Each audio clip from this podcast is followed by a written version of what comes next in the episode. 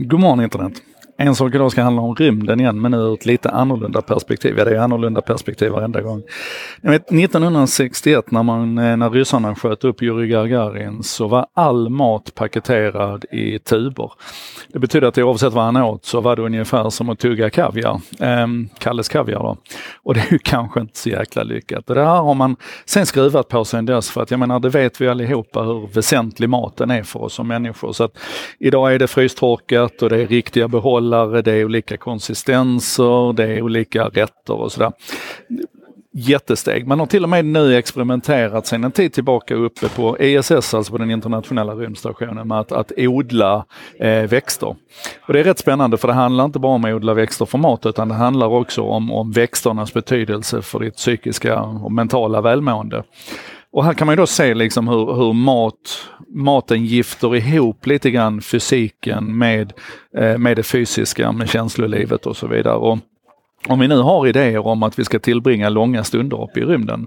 Eh, vi, idag har vi ju många som har varit där uppe över ett år och Kristina Kock till exempel fick ju efter att hon hade blivit uppskjuten i, till, till ESS så fick hon ju besked om att hon ska stanna längre än vad man hade planerat från början och sådär. Och då gäller det att vi, att vi har, vad ska man säga, en, en miljö som gör att vi mentalt orkar med det. Och nu då, med den uppskjutningen som jag tror gjordes den 5 november av, av förnödenheter och alltså en, en, ehm, en, en förnödenhetstransport helt enkelt upp till ESS så skickade man upp en ugn för nu jäklar nu ska det bakas där uppe också. Och först så skrattade jag lite grann åt det och sen så började jag gräva lite grann i det och i, i, i veckan här nu så lyssnade jag på en podd som heter Shortwave som pratade om den här ugnen och då tänkte jag nej men det här måste jag lyfta upp för det man ska göra nu är att man ska baka kakor där uppe. Och det här, är, det här är också ett sånt här underbart rabbit hole man ger sig ner i. Ni vet de som jag brukar prata om, de här kaninhålen av kunskap och grävande som jag bara älskar att kika ner i. För att det börjar ju med en ganska så konstig grej, liksom så att baka kakor i rymden, what's the point? Men runt det sen så, dels då den här diskussionen om matens betydelse för vår psykiska hälsa och sådär och doften av nybakat och hur viktigt det kan vara.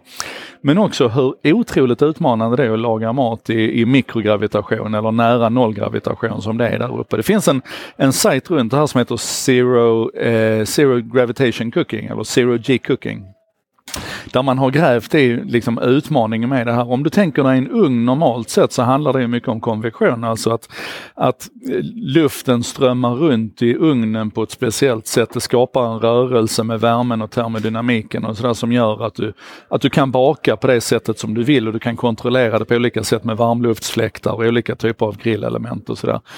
Men i nollgravitation så funkar inte konvektion. Du får inte den rörelsen på, på, på luftströmmarna som du får här nere på jorden. Och det här gör det skitsvårt att baka. Plus naturligtvis att du kan ju inte bara ta en, en mjuk cookie dough deg liksom så här och, och, och lägga på en plåt. För att har du ingen gravitation så kommer den ju inte ligga kvar på plåten. Samtidigt så kan du inte ha eh, alltför intrusiva plastmaterial och sådär för då smälter det ju. Det, det, här är, det här är en djungel att försöka reda ut. Och nu kommer man då alltså att göra experiment här uppe med en ugn som är specialbyggd för det här. Och om det här lyckas så kommer vi säkert att kunna ha stor nytta av den ugnen här hemma också för att om vi kan komma ifrån konvektionen och de, de energiförluster som det kan innebära och sånt så kan vi bygga effektivare ugnar här hemma också. Men vi behöver inte ens gå så långt just nu, utan vi kan väl bara hålla ögonen på det här experimentet. De har alltså fått ett antal plastpåsar med, med kakdeg nu med sig upp då, som ska bakas i den här speciella ugnen. De ska baka en kaka åt gången. De börjar då med, jag tror det är 177 grader i ugnen och typ 10 minuter och så bakar de den, plåtar den, dokumenterar det, skickar ner till jorden och så sitter kockarna där och funderar på hur ser nu det här ut och så.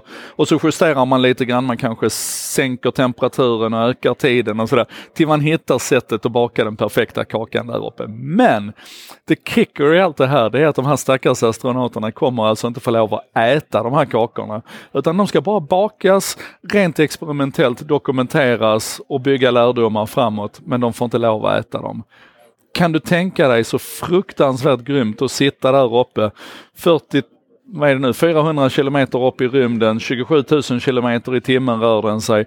Du har bakat en kaka, det luktar cookie dough, ni vet de här chocolate chip cookies i hela rymdstationen, men du får inte lov att äta den. With that said, happy Thanksgiving! Kommer en ny ensak idag imorgon.